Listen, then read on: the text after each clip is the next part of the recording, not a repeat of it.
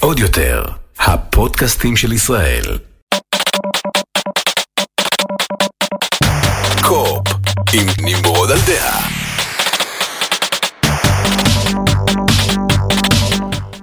חבר'ה, ברוכים הבאים לפרק מספר 69 של קו-אופ, פודקאסט הגיימינג והטכנולוגיה של טופ גיק ועוד יותר. לפני שנתחיל, בואו נגיד תודה לנותנת החסות שלנו KLA, עוד קצת עליהם בהמשך. אנחנו נדבר פה היום על שירות הפלייסטיישן פלוס החדש. בהרחבה ניכנס לכל הפרטים, כמו כן אנחנו נדבר על המשחק הישראלי המצוין אני חייב להגיד, כבר עכשיו אני אגיד לכם, יום פתוח של אולד סקול של רפאל בן ארי, הלוא הוא אולד סקול, הערוץ אולד סקול שאתם בטח מכירים, אבל בואו נתחיל לפני הכל עם מחקר חדש. ומהפכני שקובע שמשחקי מחשב לא הופכים אתכם למפלצת. כאילו, אנחנו כולנו יודעים את זה בתור uh, גיימרים, אבל משום מה יש עוד אנשים שחושבים שאם אתה משחק במשחק אלים, אתה הופך להיות אלים, ואם אתה, הופך, אתה משחק במשחק שהוא uh, נניח סקסיסטי, במקרה של המחקר הזה, אז אתה הופך להיות בן אדם סקסיסטי ומגעיל. אז מחקר חדש הוא בעצם בנוי מעשרות מחקרים אחרים, יש מין מחקרים כאלה שאוספים מחקרים. מחקרים שנעשו כבר ואוספים את התוצאות של כולם לתוך מגה מחקר גדול כזה, מין גודזילה אה, מחקרי כזה, שקובע מסקנה לגבי המחקרים האחרים, וכאן הם לקחו הרבה מחקרים שנעשו בנוגע להאם משחקים שיש בהם תוכן שהוא אה, בוטה, תוכן שהוא קצת יותר מיני, תוכן שהוא גם קצת יותר שוביניסטי וסקסיסטי, האם יש לו איזושהי השפעה על הגיימרים עצמם, והתוצאות אה, בצורה לא מפתיעה הן... לא, uh, מסתבר שאין בעיה, נניח uh, בדקו אצל בנות שמשחקות משחקים כאלה, האם יש בעיה עם דימוי הגוף שלהם, כמו נניח שהן משחקות משחקים כמו, uh, שהן משחקות את לארה קרופט נניח, האם זה גורם להם בעיות בדימוי הגוף, או בנים, כשהם שומעים משחקים כמו, לא יודע, דיוק ניוקים, בגלל שאני זקן, זה הדבר הראשון שעלה לי בראש, שכל הזמן זורק הערות סקסיסטיות, האם זה הופך אותם להיות סקסיסטים בעצמם, והתשובה היא... לא, אה, זה לא אומר כמובן שאין סקסיזם ואין אלימות מילולית אה, בתוך משחקים, אבל זה לא המשחקים עצמם שגורמים לזה, אנחנו מגיעים לתוך המשחקים האלה כאנשים סקסיסטים אלימים דוחים, ואנחנו מכניסים את זה פנימה לתוך המשחק. אה, אז שוב, אני לא חושב שאף אחד מאיתנו מופתע. אני אישית עדיין, ב-2022, אני מופתע שעדיין יש אנשים שחושבים ככה, שחושבים שאם מישהו משחק במשחקי מחשב שבהם יורים במישהו, הוא ייקח רובה ויירה במישהו. אני חושב שזו מחשבה מטופשת, ובארצות הברית בכללית, בזמן האחרון יש להם קצת בעיות והם אה, אני אשתמש פה באיזושהי מטאפורה, הם יורים לכל הכיוונים רק כדי לא להתייחס לבעיה האמיתית שלהם, שהיא ריבוי נשקים והקלות הבלתי נסבלת שאתה יכול להשיג נשקים בארצות הברית, והזכות שיש להם להחזיק אה, M16 בבית להגנה עצמית. מי צריך M16 להגנה עצמית? לא ברור, אבל uh, זה חלק מהחוק שיש להם. מסתבר שהם דווקא די טובים בלשנות חוקים, לשנות את החוקה אה, כשנוח להם, אבל כשזה מגיע לנשקים קצת פחות. אז שוב, עוד הוכחה, אה, הפעם זאת מגה הוכחה שהדברים האלה לא גוררים, לא גורמים לשינויים בהתנהגות אצל אנשים שמשחקים במשחקים האלה. אה, כמו שאמרתי, זה לא אומר שאין. את ההתנהגות הזאת, וזה מוביל אותי לנושא אה, הבא, שהוא אה, משחקי אונליין בעיקר כן סובלים מכל העניין הזה של בעיקר אלימות מילולית אה, וסקסיזם. כל מי ששיחק במשחק אונליין כלשהו, יודע שברגע שמדברים אחד עם השני, תוך כדי שזה אה, מצב רוח תחרותי, וגם אנשים בטוחים מאחורי המקלדת שלהם, יש להם אה, צורך אז להגיד את הדברים הכי נוראים שהם רק יכולים לחשוב עליהם לתוך המיקרופון לבן אדם. שנמצא מולם, וזה בדרך כלל תוכן שהוא מאוד מאוד פוגעני, מאוד מאוד קללות מחרידות, אה, סקסיזם, שוביניזם, גזענות בצורה יוצאת מן הכלל, אה, באמת, בלי סוף גזענות וסקסיזם. אה, אבל שוב, כמו שאמרנו, זה לא שהמשחק עצמו גורם לזה, זה שאנשים מגיעים מהבית עם המטענים האלה והם משחררים אותם בתוך המשחק. אני יודע למשל שאני בתור בן אדם, מעולם לא אמרתי דברים מחרידים במיקרופון למישהו אחר בזמן משחק אונליין. אני מתאר לעצמי שגם 99% ממי שמקשיב לי עכשיו גם לא עושה את זה. אני מתאר לעצמי שיש אחוז אחד שכן, שמאוד מאוד נהנה להגיד את הדברים הכי הכי מחרידים שהוא יכול לאנשים שנמצאים מולו, ואולי כדאי שתבדקו למה זה. זה כל מה שאני אומר, אבל ולורנט, אה, יותר נכון ריוט גיימס, שמשחררים אה, את ולורנט, שבעצם מנהלים את ולורנט, משחק האונליין המאוד פופולרי, uh, החליטו לעשות משהו שהוא קצת... Uh, לא יודע, אני לא יודע איך אני מרגיש בקשר לזה, בגלל זה אני מעלה את זה מולכם, אני אשמח לשמוע מה אתם חושבים. הם החליטו להתחיל להקליט את כל השיחות האלה בין שחקנים. אה, זאת אומרת, הם הודיעו באופן רשמי שמעכשיו הם מקליטים שיחות בין אה, שחקנים, מקליטים voice אה, chat בעצם בין השחקנים, כדי לאמן תוכנה למצוא מילים ולמצוא טון מסוים ולמצוא משפטים מסוימים שיגרמו לתוכנה להבין שמדובר פה באמירות אה, פוגעניות, באמירות סקסיסטיות, באמירות גזעניות. אה, והם רוצים לפתח איזושהי תוכנה שתוכל גם לנטר voice chat, כי יש היום תוכנות שעושות בצורה מוצלחת מאוד צ'אט שאתם מקלידים, אבל ברגע שמדברים זה קצת יותר קשה, צריך זיהוי קולי, צריך uh, זיהוי דיבור בעצם.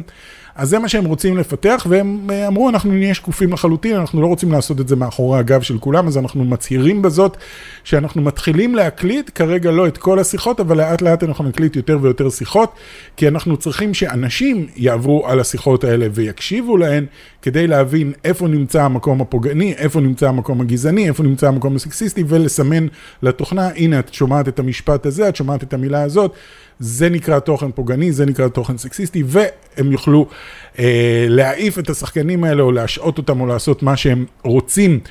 השאלה היא, אה, האם אתם בעד דבר כזה שהוא מצד אחד בא להגן על שחקנים מפני תוכן בעייתי, ומהצד השני זה ללא ספק אה, האזנה. זאת אומרת, זה כן אה, הקלטה של כל מה שאתם אומרים, וזה כן מנתח את כל מה שאתם אומרים, וזה כן תוכנה שמקשיבה לכם ומחכה שתגידו משהו בשביל לדווח על זה. אה, אני לא יודע, אני שוב, בתור מישהו שאף פעם לא, לא מגיע למקומות האלה, אני, זה לא מפחיד אותי, אבל אז אני אומר, אוקיי, אז בשביל מה מקליטים אותי? אני קצת מרגיש לא נוח עם זה שחברה גדולה, ריוט גיימס, בכל זאת חברה של מיליוני דולרים, כן מקשיבה לי, ויכול להיות שהיא תשתמש בתוכן הזה גם לדברים אחרים, יכול להיות שהיא תנסה למכור לי פרסומות, או אני לא יודע מה, אני בכל מקרה לא בטוח שאני מעוניין בזה.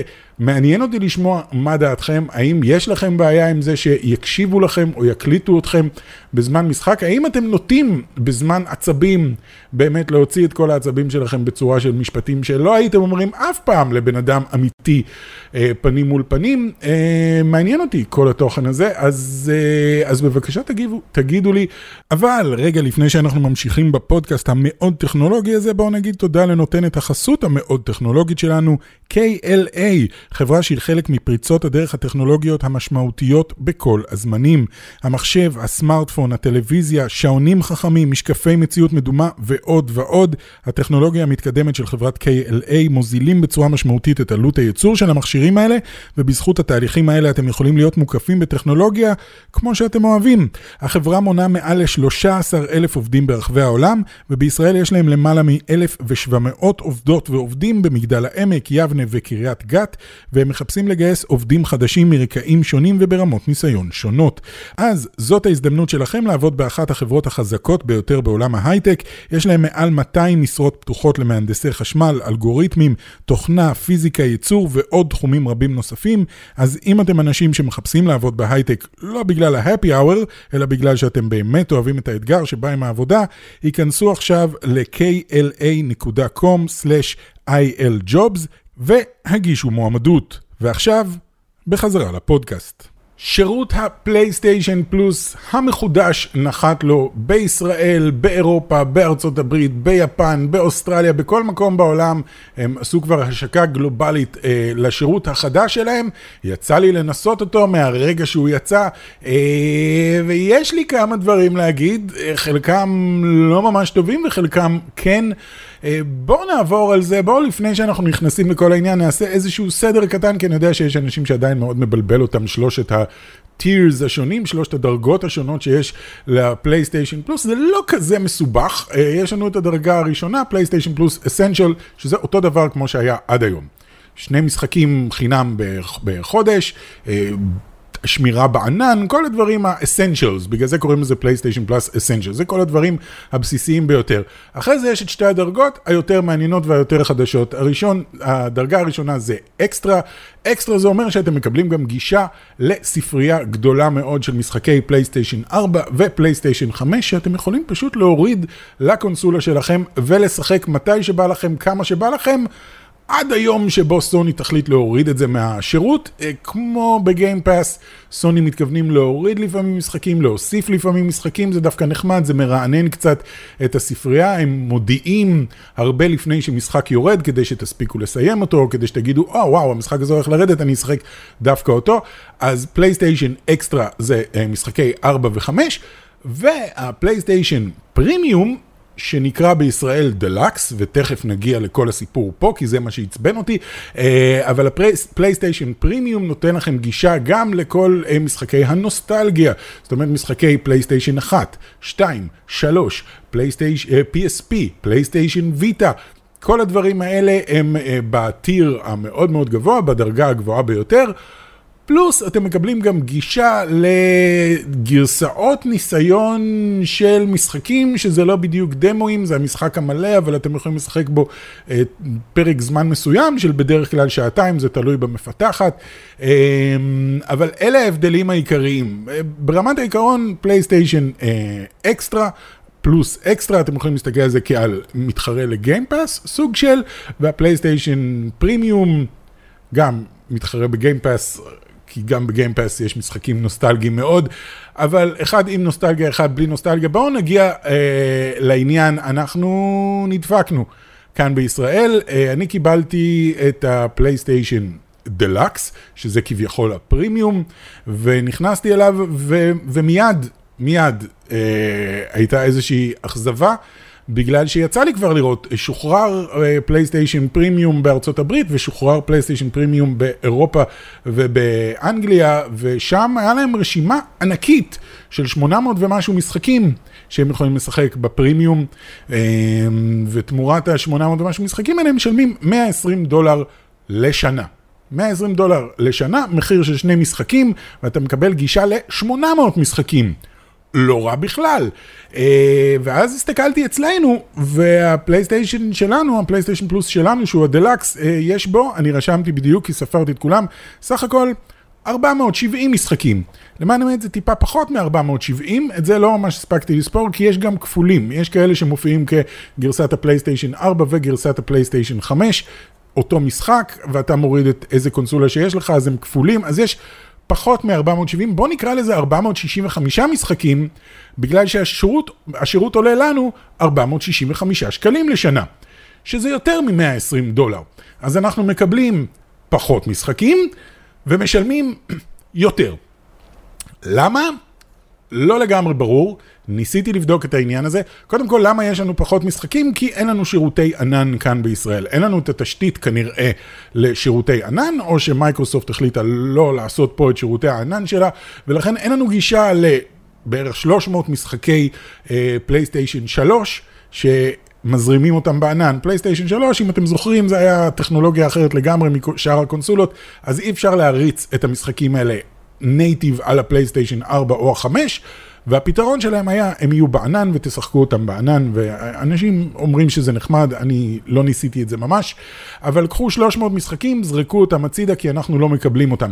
וכשהוכרז השירות הזה, אז סוני אמרו, מי שיקבל את גרסת הפרימיום בלי המשחקי פלייסטיישן 3, בלי הזרמת משחקים בענן, אנחנו נקרא לזה דלוקס, והוא ישלם פחות.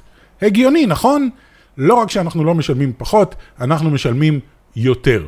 עכשיו אנחנו משלמים יותר, קצת יותר, כמו שאנחנו רגילים לשלם כאן בישראל, כי משחק עולה 60 דולר בארצות הברית, הוא לא עולה אה, בדיוק את המקבילה של 60 דולר כאן, יש מיסים, יש כל מיני דברים שמוסיפים על זה, אז זה עולה קצת יותר. אז אנחנו בעצם, מה שקורה, זה שישראל משלמת על שירות הפרימיום, השירות של 800 דולר, אבל מקבלת את שירות ה...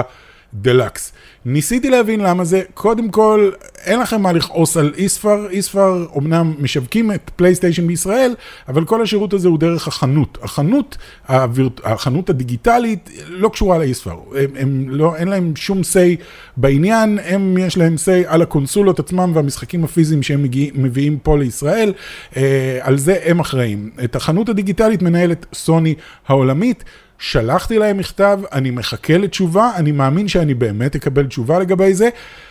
אם אתם שואלים אותי, אני לא חושב שמישהו ניסה לדפוק אותנו, אני חושב שנפלנו איפשהו בין הכיסאות, בגלל שאנחנו טכנית שייכים אה, למזרח התיכון, אבל בפועל החנות שלנו היא חלק מהחנות האירופאית, אה, ואני חושב שמה שקרה זה שבעצם קיבלנו, זה כנראה שני אנשים שונים או שתי מחלקות שונות שאחראיות על ישראל, אחת אמרה אוקיי אין להם שירותי ענן אז הם מקבלים את הדלוקס, אחת אמרה אוקיי הם שייכים לחנות האירופאית אז הם צריכים לשלם את מחיר הפרימיום וכנראה שזה מה שקרה, זה מה שאני מאמין שקרה.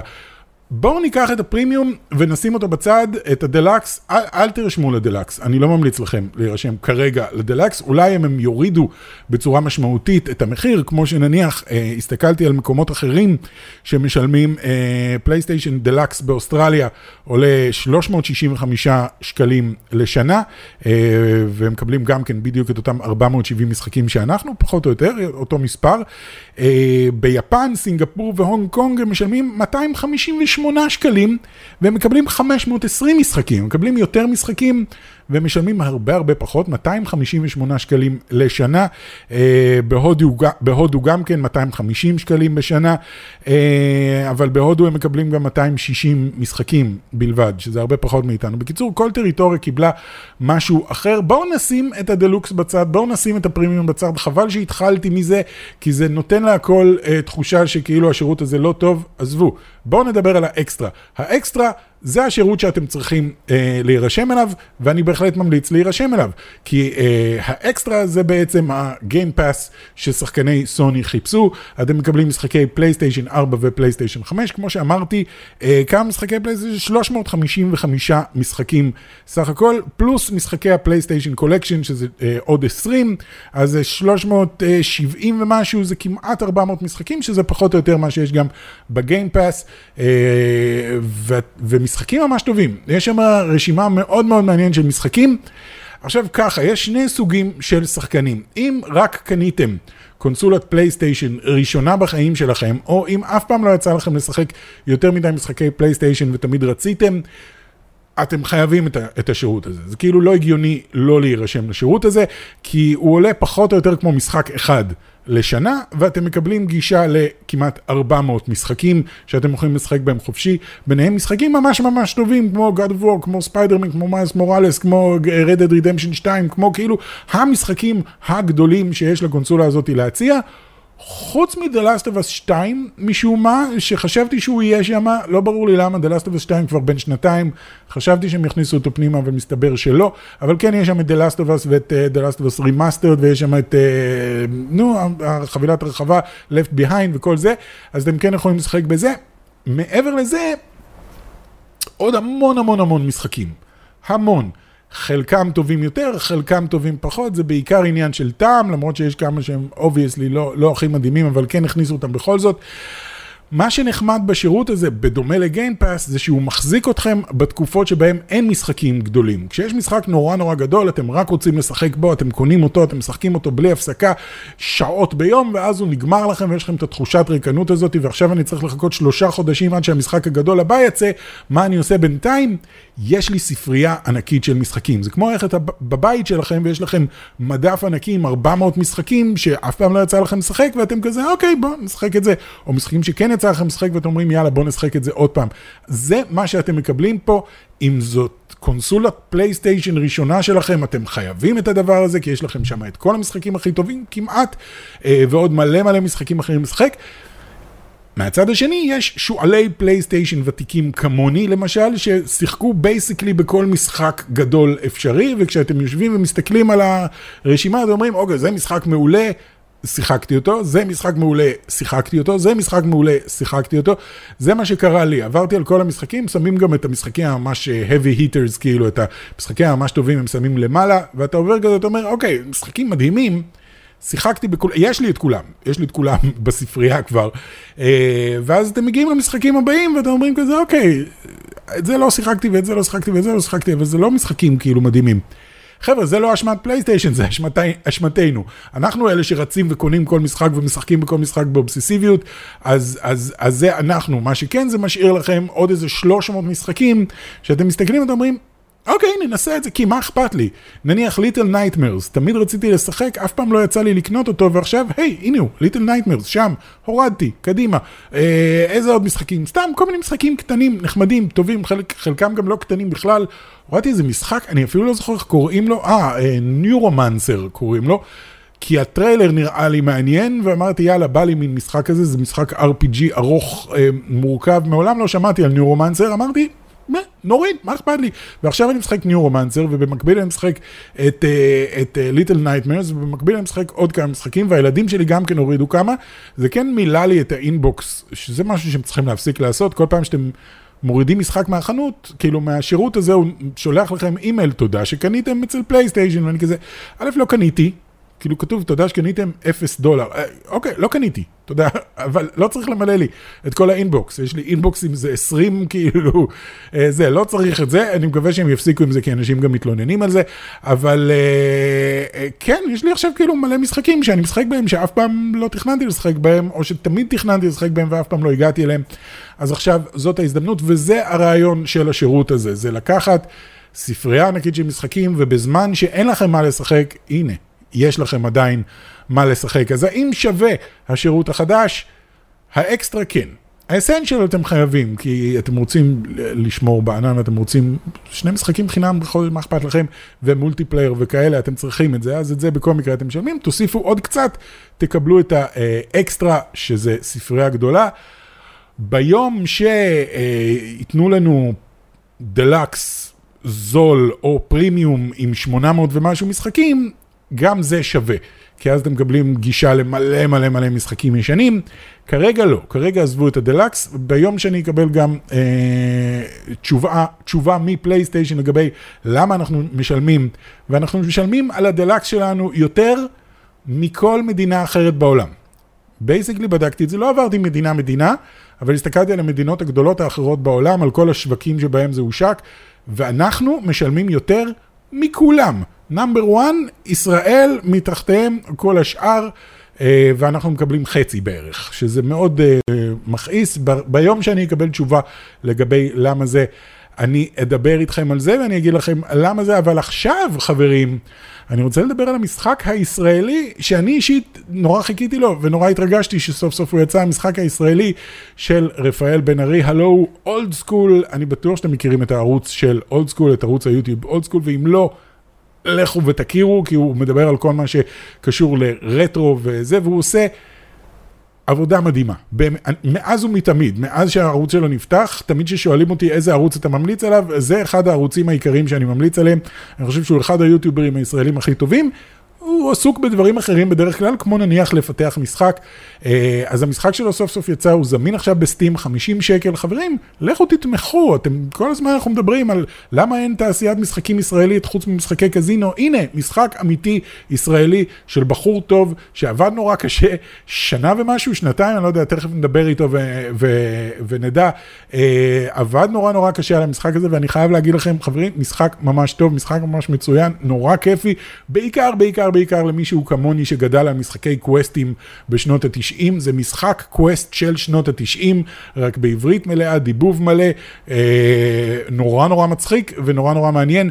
בואו נעבור רגע לשיחה עם אה, אדון רפאל בן ארי על המשחק החדש שלו, כי יש לי הרבה שאלות לשאול אותו. אז קדימה, רפאל בן ארי, מה שלומך? מה נשמע? איזה כיף! איזה כיף, זה, זה חגיגה אמיתית מה שקורה פה, באמת חגיגה אמיתית. לגמרי. מזל טוב אה, ענקי על, ה, על שחרור המשחק סוף סוף. אה, כמה זמן עבדת עליו? וואו, האמת שזאת שאלה, זאת שאלה מאוד מורכבת. כן. אה, תראה, אני התחלתי, לעבוד על המשחק, פעם הראשונה שפתחתי את התוכנה ועשיתי ככה משהו קצת להתנסות, זה היה ב-2014. וואט? זה היה בערך כשפתחתי את הערוץ ביוטיוב, ו... וואו. כן, זה היה ממש באותו זמן, אבל זה לא התחיל כמשחק, זה לא, זה לא התחיל בתור מה שזה עכשיו. זה התחיל בתור איזה... סתם איזה בדיחה כזאת לחברים, משהו קליל כזה ומצחיק, זה לא היה... זה, זה זהו, לא התחיל זאת, זאת, במחשבה. הייתה, זאת הייתה באמת השאלה הראשונה שרציתי לשאול, מה גרם לך לרצות ליצור משחק? כי זה חתיכת אה, פרויקט ענקי, ורציתי לדעת מה גרם לך, ואתה אומר שלא ממש, זאת, זה לא היה הרעיון מההתחלה.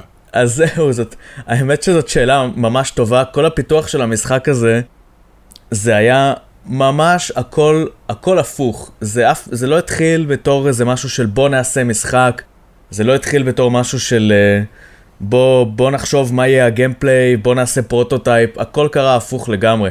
זה התחיל מתוך מחשבה שזה לא הולך להיות משחק, זה הולך להיות משהו אה, כזה סתם חוויה מצחיקה לחברים שלי בעיקר.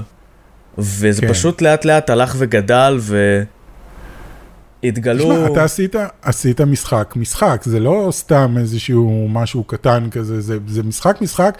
אני, ת, תן לי להוציא קודם את כל, ה, אה, את כל ההשתפכויות מראש, כדי, בוא נביך אותך על ההתחלה. מעולה. אני חושב שזה משחק ממש ממש טוב. כאילו, לא סתם משחק טוב, אלא משחק ממש ממש טוב. וואו, ואני חושב תודה. שהוא עומד לחלוטין אה, באותו לבל עם כל הקווסטים הכי גדולים שעשו פה בארץ, כאילו ב, אה, יחד עם פיפוש ועם כל החבר'ה האלה, זה לחלוטין עומד כתף לכתף, ובהרבה הרבה מקרים גם עוקף אותם, כי בהרבה הרבה מקרים שם אתה מרגיש שהעיקר זה הדחקות והעיקר זה הבדיחות. ופה אני מרגיש שהעיקר זה המשחק עצמו. רואים שמי שיצר את זה, זה gamer שגדל על משחקי קווסטים ב nineties, התקופה הבאמת טובה של משחקי קווסטים, ולמד משם ויישם את כל מה שהוא למד שם על משחק, כי המשחק הוא ממש טוב, הוא לא סתם. זהו, הבכתי אותך? חבל שאתה לא רואה את הפרצוף שלי עכשיו במצלמה, כי פשוט אני מחליף פה צבעים, באמת, זה... דבר ראשון, תודה רבה. אני בכיף. באמת באמת רציתי שהמשחק ייתן value לאנשים ושיהיה להם כיף לשחק בו. אני יודע שהוא לא מושלם, אבל uh, לקבל כאלה תשבחות, אני ממש מעריך את זה, תודה רבה, אני... אני, ובאמת, אני אומר את זה כאילו, אנחנו מכירים אחד את השני, וזה Top Geek, ו Old School, ואתה כן. יודע, יש פה אה, חברות וזה, אה, בצורה באמת, אה, אני אומר לך את זה, בצורה אה, אובייקטיבית לחלוטין, גם אם לא אתה היית עושה את המשחק הזה, הייתי נותן לו ציון ממש טוב, והייתי אומר, איזה כיף לראות שמישהו עש- עשה משחק, שה גיימיפיקציה שלו, אה, אה, נראה שזה במקום הראשון. המשחק עדיין מאוד מצחיק, אני מאוד אוהב את ההומור, זה מצ- מה שמצחיק, בגלל שאני מכיר אותך ובגלל שאני מכיר את הערוץ שלך, כל המשחק הזה מרגיש כאילו אני מסתובב בתוך התת מודע שלך. כאילו בת, בתת מודע של רפאל מאולד סקול. הכל מרגיש מאוד 90's ומאוד כאילו אה, מדבר על התקופה. זה מצחיק, כי המשחק כביכול הוא, הוא משחק מודרני שמתרחש בתקופה שלנו, אבל כאילו הוא מגיע למכון בוזגלו למדע, כך קוראים לזה? מכון בוזגלו? להנדסה, כן. להנדסה, נכון? וכאילו המקום הזה קפוא בזמן מה-90's, וזה נותן לך את האפשרות לשחק עם כל הדברים האלה שאתה באמת אוהב, וכל הדברים שאתה מדבר עליהם אה, בערוץ שלך. אה, האם זאת הייתה התחושה גם כשיצרת את זה? זו הייתה תחושה של אה, להקים מבפנים את כל הדברים האלה שאתה מתעסק איתם כל כך הרבה, והתחום הזה שאתה כל כך אוהב?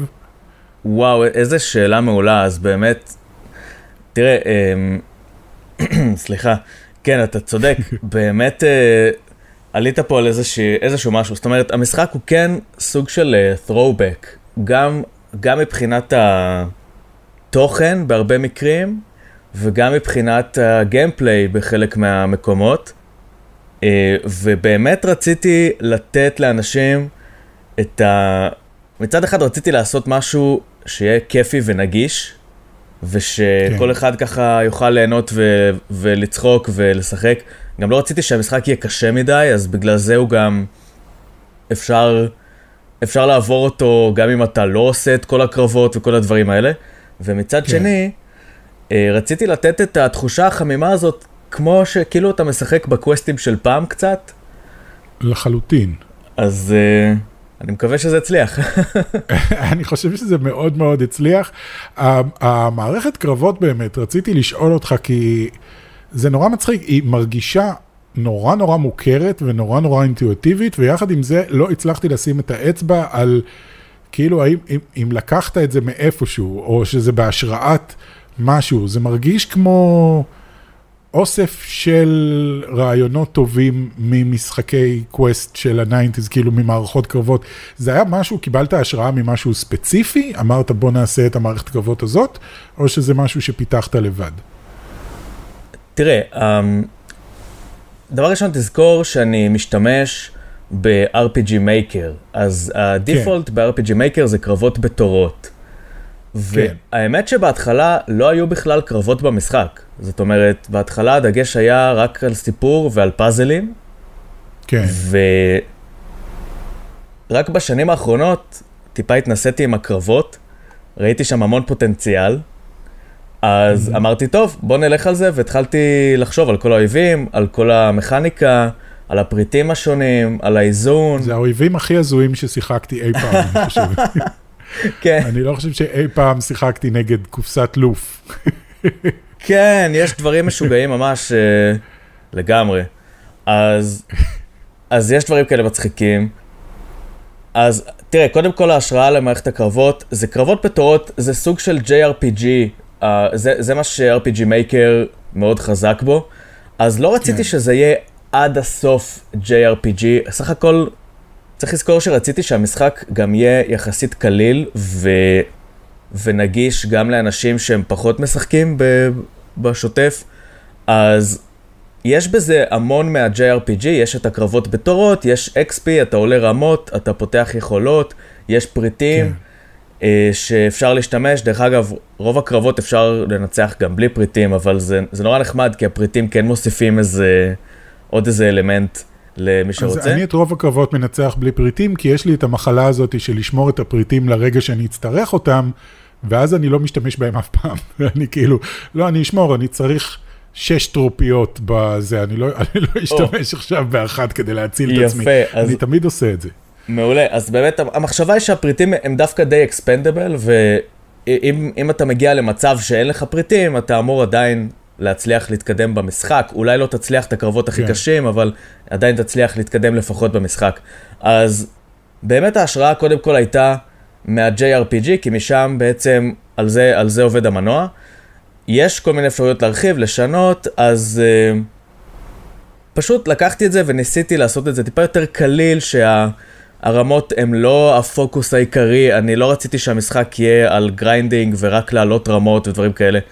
אז זה סוג כן. של כזה, קליל כזה ברקע, וגם הקרבות הם די ככה אופציונליים, אתה יכול די להתקדם עם מספר מינימלי של קרבות, כי יש, אה, יש הרבה, הרבה דרכים, לא יודע אם הרבה, אבל יש דרכים נוספות להשיג אסימונים ולהתקדם, אז אתה יודע. כן, המשחק באמת לא דורש ממך, אתה חייב להיות level כזה או כזה כדי לעבור פה, אלא אתה צריך כרטיס, והכרטיס הזה עולה מספר מסוים של אסימונים, ויש לך כל מיני דרכים, באמת, כמו שאמרת עכשיו, להשיג את האסימונים. אני חושב שקרבות, אבל זה החלק הכי קל.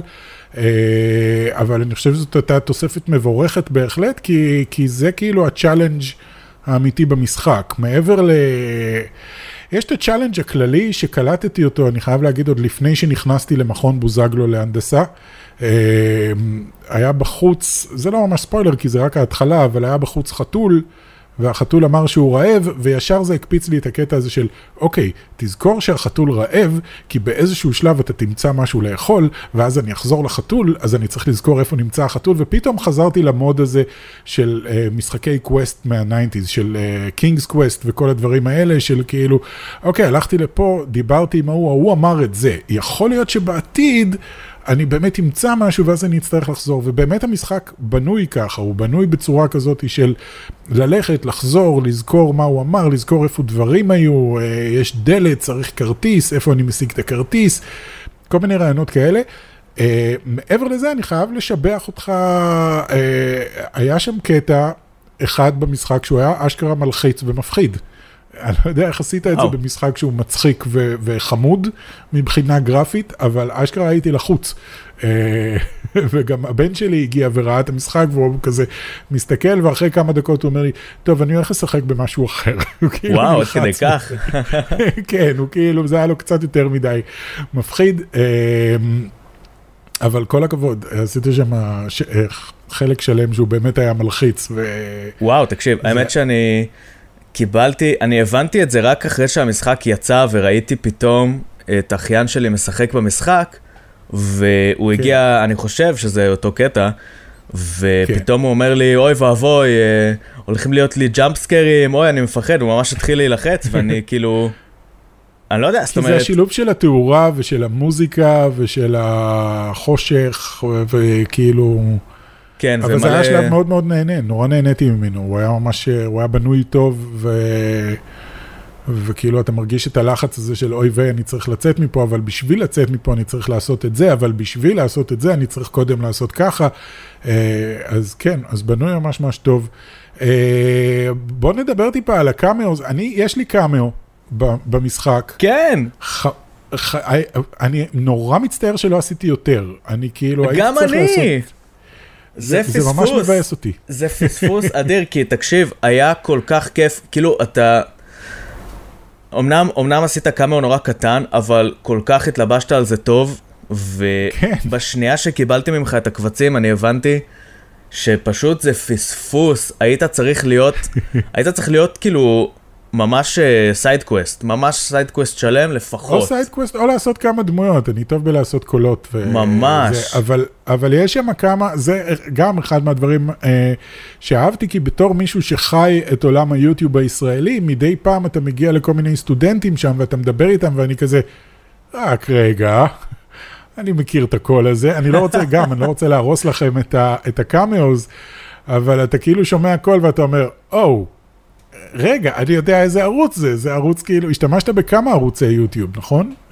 אה, בטח, אז אה, בעצם פניתי לכל מיני חברים שהם גם יוטיוברים, חברים וחברות, ומי שרצה, אז ברוך הבא, זאת אומרת, בכיף. כן.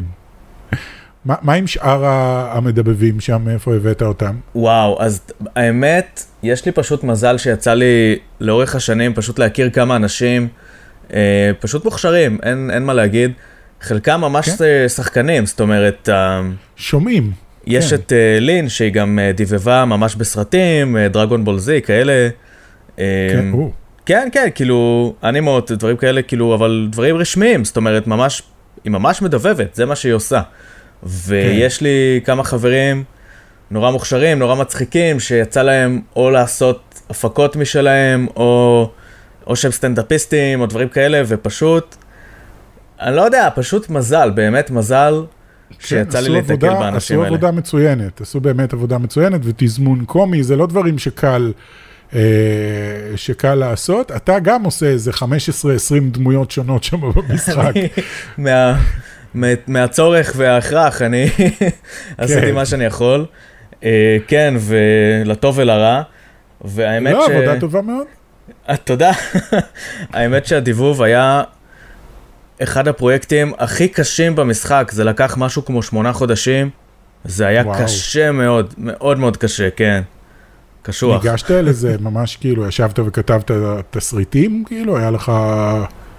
אז אתה לא מבין, זה, כבר בהתחלה זה התחיל ברגל שמאל, כי כל הטקסטים במשחק היו ב-RPG Maker, ואיך שזה אוקיי. עובד, זה נמצא כאילו בתוך איבנטים כאלה שהם ממש חלק מהשלב, זאת אומרת, לא היה שום מקום עם טקסט מסודר, עם קבצים שיכולתי לשלוח, הייתי צריך לכתוב קודם כל תוכנה שמסדרת את כל הטקסט במשחק לפי דמויות, ורק זה, זה כבר היה, אה, לא, לא כן. יותר מדי, אבל זה כבר היה מאמץ אה, התחלתי עוד לפני הדיבוב בכלל.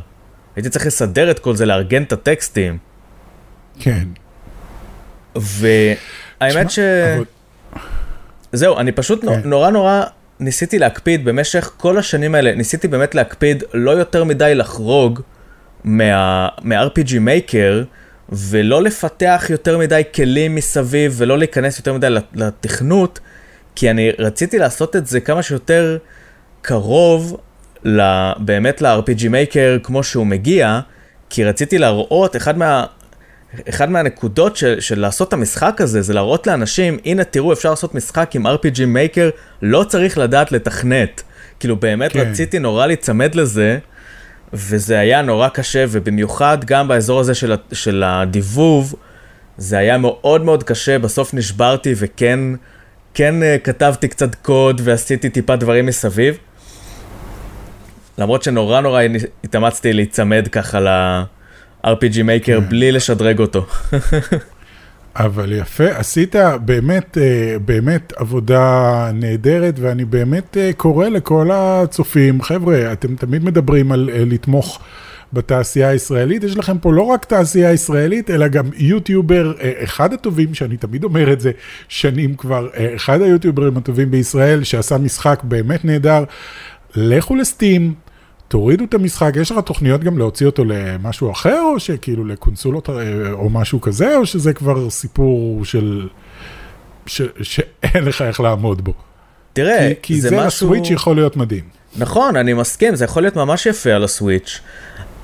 הייתי מאוד רוצה לעשות את זה, אני פשוט... תראה, לפי מה שראיתי, נינטנדו כנראה לא יאשרו את זה, כי המשחק פשוט לא דובר אנגלית. כן. ויש איזה דרישת מינימום. אז הם לא יכולים לעשות לזה quality. הם לא יכולים לבדוק את המשחק, הם, או שפשוט אין להם, אין להם חנות למכור בו, כי אני לא יודע. כאילו, בכל החנויות הדרישות, בכל הריג'נים, הדרישה היא שהמשחק לפחות יתמוך באנגלית. ואני לא יודע אם הם יאשרו בכלל דבר כזה, זה, זה טיפה בעייתי מהבחינה באמת של השפה, של המשחק. הייתי כן. מת שזה יהיה על הסוויץ', לכל הקונסולות אין שום דבר שעוצר את זה, חוץ מהבעלי הפלטפורמות עצמם. היחידים שאפשרו את זה כרגע זה סטים, וגם okay. אוקיי. הם, דרך אגב, הייתי צריך, אה, הם לא הבינו בכלל מה זה השפה הזאת ומה אני עושה שם, אבל בסוף הם כן. הסכימו. יפה, יפה מאוד. אה, רפאל, אה, שוב, מאוד נהניתי מהמשחק, אני עוד לא סיימתי אותו, אז אני צריך עוד לסיים אותו, אבל אני מאוד מאוד נהנה ממנו, ובאמת כל הכבוד לך, זה פרויקט כאילו ארוך מאוד ומושקע מאוד, ו... וכבוד גדול, זה כל מה שיש להגיד לך, כבוד גדול על זה שהוצאת משחק ושהוא עומד בסטנדרטים של כאילו המשחקים הבאמת יותר טובים שהוציאו פה. במדינת ישראל. תקשיב, אין לי מילים, אני באמת, אני... אני מחליף פה צבעים, תודה רבה, אני... בכיף, אני לא סתם אומר, אני לא סתם, אני אף פעם לא אומר דברים, סתם. איזה כיף, אני פשוט שמח שאתה נהנה, במיוחד גם כי השתתפת, ובאמת כיף לי לשמוע שאתה נהנה. דרך אגב, המשחק תומך במודים, אז אפשר נכון, להוסיף נכון. אחר כך שינויים, לא מי שרוצה. יכול לבוא, לראות, אה, להוריד איזה מוד, כל מיני, יש כל מיני דברים מצחיקים שאנשים כבר העלו. זה באמת, זה בעצם כן. אפשרות להוסיף, ליצור שינויים במשחק ולשלוח שינויים לאנשים אחרים, להחליף את הדמויות, להחליף את המוזיקה, את הסאונדים. אה, ממש נחמד, כן. אז קדימה, חברים, תקפצו לסטים, אה, תקנו את המשחק, תתמכו ברפאל, אה, והמשחק הבא, בעוד שמונה שנים, לא, לא, לא. תן לי לעשות כמה דמויות. המשחק הבא, אם אני, אם אני מתחיל לעשות משחק, זה לא יהיה שמונה שנים, למדתי הרבה דברים מאז. כן. וזה יהיה משהו הרבה הרבה יותר uh, זריז. אני אומר, המשחק הבא נעשה שוטר סטייל דום כזה. יאללה. נעשה ביחד. יאללה, בקריית שמונה או משהו. כן. יאללה, רפאל, המון המון תודה, והרבה הרבה מזל טוב. תודה רבה רבה, נמרוד, איזה כיף. תודה רבה. ביי. ביי ביי. עוד יותר, הפודקאסטים של ישראל.